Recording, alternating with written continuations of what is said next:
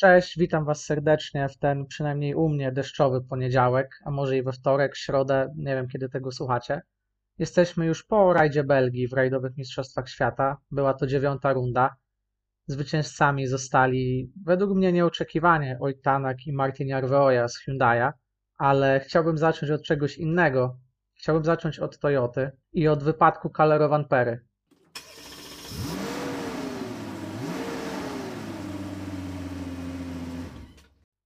Jak już tego słuchasz, chciałbym Cię serdecznie poprosić o obserwację i ocenę podcastu na Spotify oraz subskrypcję i polubienie na YouTube. Zajmie Ci to mniej więcej tyle czasu, ile trwa ten przerywnik. Bardzo Ci dziękuję, lecimy dalej.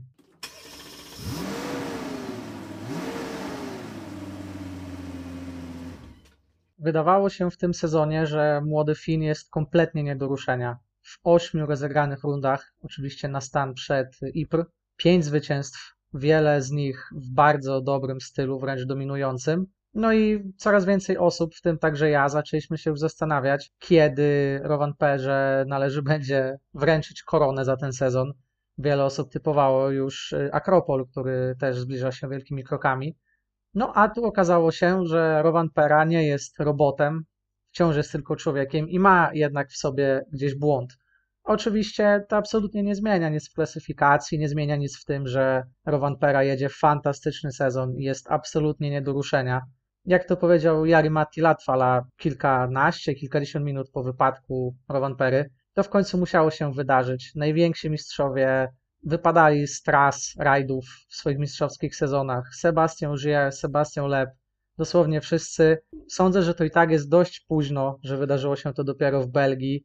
Osiem rund praktycznie bezbłędnych, ale naprawdę wiele, wiele miesięcy bezbłędnej jazdy na fantastycznym poziomie. Nie musimy sięgać daleko pamięcią, żeby przypomnieć sobie rundy, w których nikt nie był w stanie zagrozić Finowi czystym tempem. Musimy też pamiętać, że to są dalej 72 punkty przewagi Calero Van nad Ojtem Tanakiem i naprawdę dużo szczęśliwych zbiegów okoliczności dla Estończyka musiałoby mieć miejsce jeszcze do końca tego sezonu, żeby mógł on powalczyć z Finem.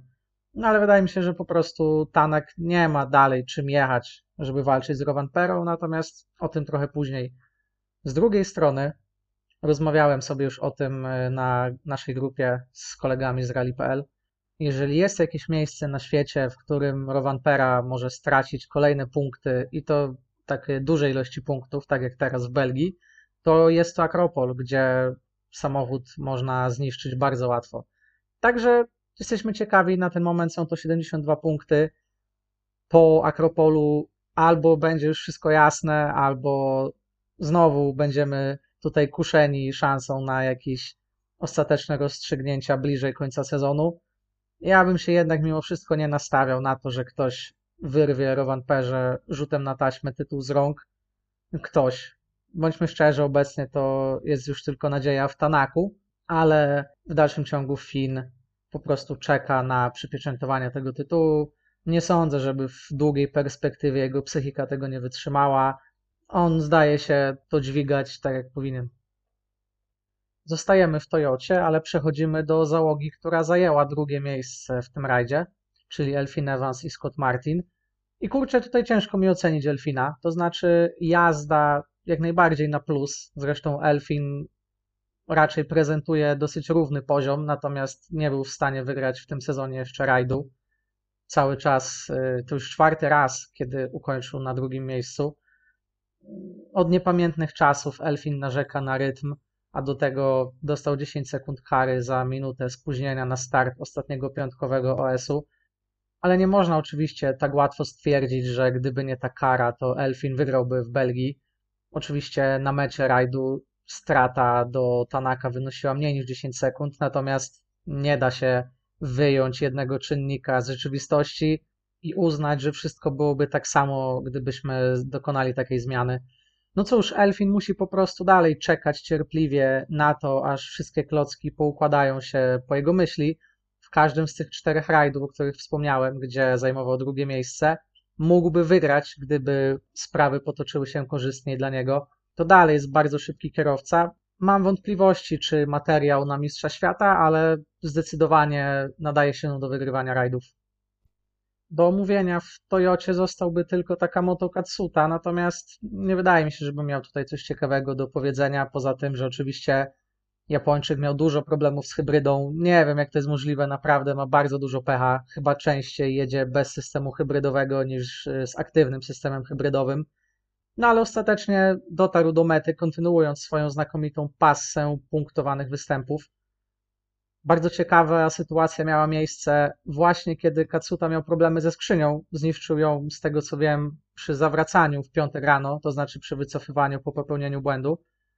I skrzynia zablokowała się, więc y, Takamoto miałby tak naprawdę problem z dojechaniem w ogóle do mety, mimo że miał już bardzo blisko do końca OS-u. I tutaj z pomocą przyszedł mu silnik elektryczny, który po prostu został włączony, tryb hybrydowy. I Takamoto dojechał do końca odcinka i później starał się dokończyć pętlę na trzecim biegu, momentami też na drugim, z tego co kojarzę wykorzystując właśnie to doładowanie elektryczne, żeby móc w ogóle wyjść z zakrętu na wysokim biegu. Bardzo ciekawa taktyka, trzeba przyznać, że jest to jakiś element strategiczny i gdyby nie to, to Takamoto odpadłby z rywalizacji i podzielił los po większości kierowców w rajdzie IPR. Myślę, że możemy przejść już do M-Sportu i wow, tutaj naprawdę nie wiem od czego zacząć. Na pewno to był jeden z najgorszych, jeżeli nie nawet najgorszy rajd tej ekipy od niepamiętnych czasów, na pewno w tym sezonie. Spodziewałem się dużo więcej, tak naprawdę po wszystkich kierowcach. No, może nie po Greensmithie, ale powiedzmy, że on jest traktowany nieco inaczej. Przeze mnie nie uważam, że to jest kierowca na miarę fotela w Rally 1. Ale tak jak mówię, spodziewałem się znacznie więcej, na pewno po Brinie, po Adrianie Fourmeau, a skończyło się jak się skończyło totalna klapa w sporcie i wbrew temu, co było mi dane przeczytać w komentarzach pod jednym z postów, wcale nie jest mi to obojętne i wcale się z tego nie cieszę. Bardzo szkoda, że M-Sport jest w jakimś takim dziwnym miejscu, kompletnie nie mogą się pozbierać, zarówno zespół, jak i kierowcy. Craig Breen, trzeci rajd, trzeci wypadek. To naprawdę już zaczyna wyglądać bardzo kiepsko. Miał być liderem zespołu, a zaraz będzie liderem w generowaniu strat dla zespołu. Jest to bardzo słaba sytuacja. Irlandczyk też na pewno się frustruje, chciałby w końcu dowieść dobry wynik.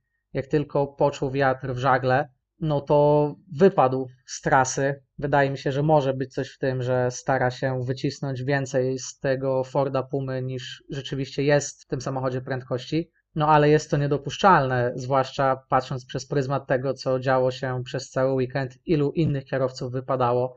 Można tutaj było naprawdę wywieźć dość dobry wynik z Belgii i trochę się odbić. Tak samo Adrian Fourmeau był na spokojnym piątym miejscu, mógł nawet powalczyć jeszcze z Oliverem Solbergiem o czwarte. To byłby duży zastrzyk pewności siebie i punktów dla zespołu. No ale nie, wypadł z trasy i po raz kolejny zawód dla tej ekipy. Zresztą Adriana Fourmeau i Craiga Brina w ten weekend łączył też jeszcze jeden element, konkretnie jeden zakręt, w którym obaj mieli problemy. Na pewno to widzieliście. Najpierw Adrian Fourmeau strącił balę z sianem w lewym zakręcie, gdzie na zewnętrznej był rów, a dosłownie kilka minut później Craig Breen w tym samym zakręcie przegiął, nie było już tych bali, no i oglądaliśmy rolkę Craiga Breena.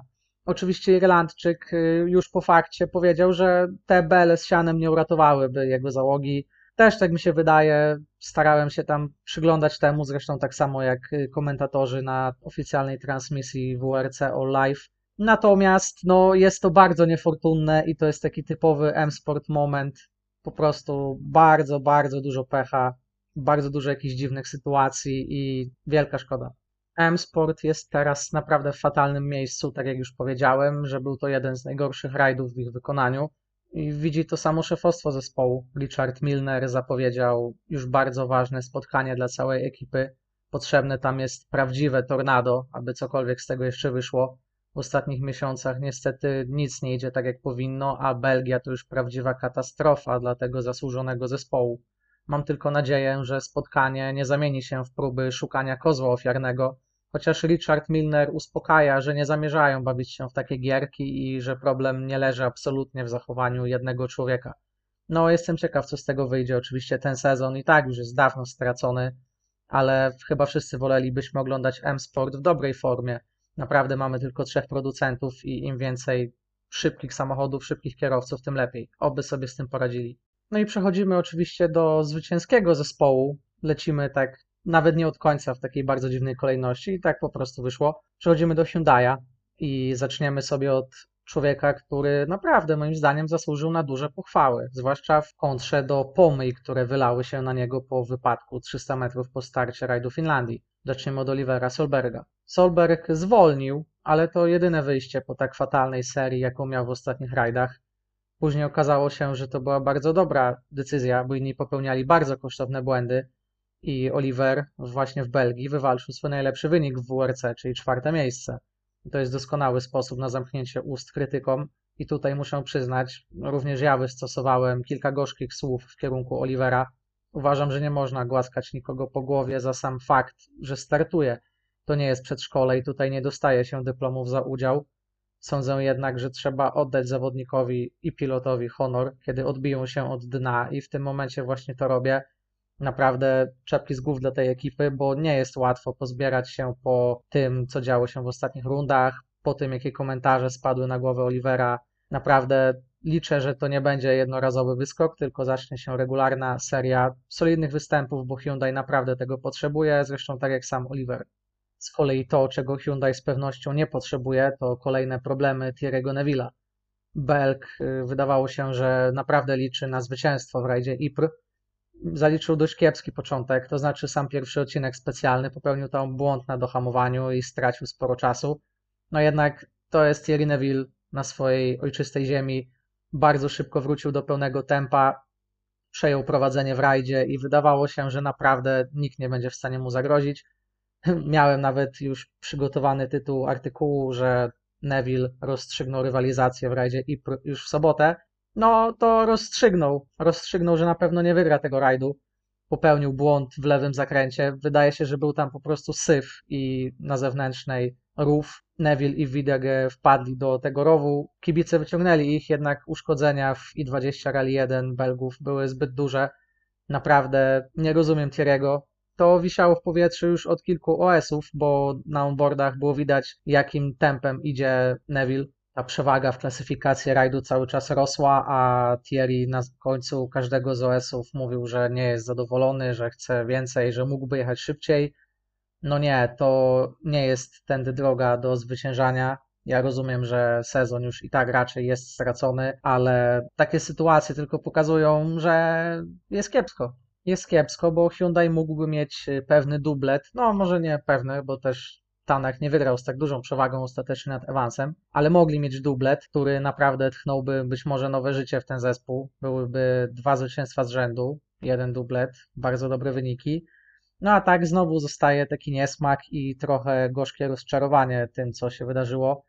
Zresztą wydaje mi się, że w głowie Neville'a kłębią się jakieś bardzo dziwne myśli. Tanak miał problemy z napędem, a Thierry po zakończeniu, nie pamiętam już którego odcinka specjalnego, powiedział w wywiadzie, że jeżeli Tanak ma problemy z napędem, no to Thierry w takim razie jedzie tylko na trzech cylindrach. Później Estończyk sam komentował to w taki sposób, że zupełnie nie wie, co myślał sobie jego partner z ekipy, że powinni walczyć z Toyotą, a nie między sobą. Nie zdziwię się, jeżeli Tanak stwierdzi, że pierdzieli to w cholerę i skończy się jakakolwiek przyjaźń w tym zespole. To też byłby bardzo zły znak. Skończy się być może tym, że Tanak ucieknie. No, pytanie gdzie? Musiałby chyba wrócić do Toyoty, ale M-Sport już się posypał, a Hyundai jest na dobrej drodze do posypania się.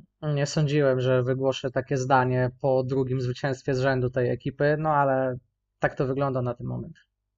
I to już wszystko w piątym odcinku Motorsportu wieczorową porą po rajdzie Belgii. Dzięki za dotrwanie do końca, dzięki za wsparcie. Jeżeli jest ktoś, kto doszedł aż do tego punktu, to może napisać w komentarzu. Będzie mi bardzo miło. Nie mamy zbyt dużo oddechu od motorsportowych emocji, bo już w ten weekend wraca Formuła 1 po wakacyjnej przerwie. Będziemy mieli Grand Prix Belgii na torze Spa. Jestem ciekaw, czy czekacie, jak przewidujecie zmiany w stawce po letniej przerwie. Oczywiście odcinek podcastu także się pojawi. Jeszcze nie wiem, czy w niedzielę, czy w poniedziałek, ale na pewno będziecie mieli co posłuchać.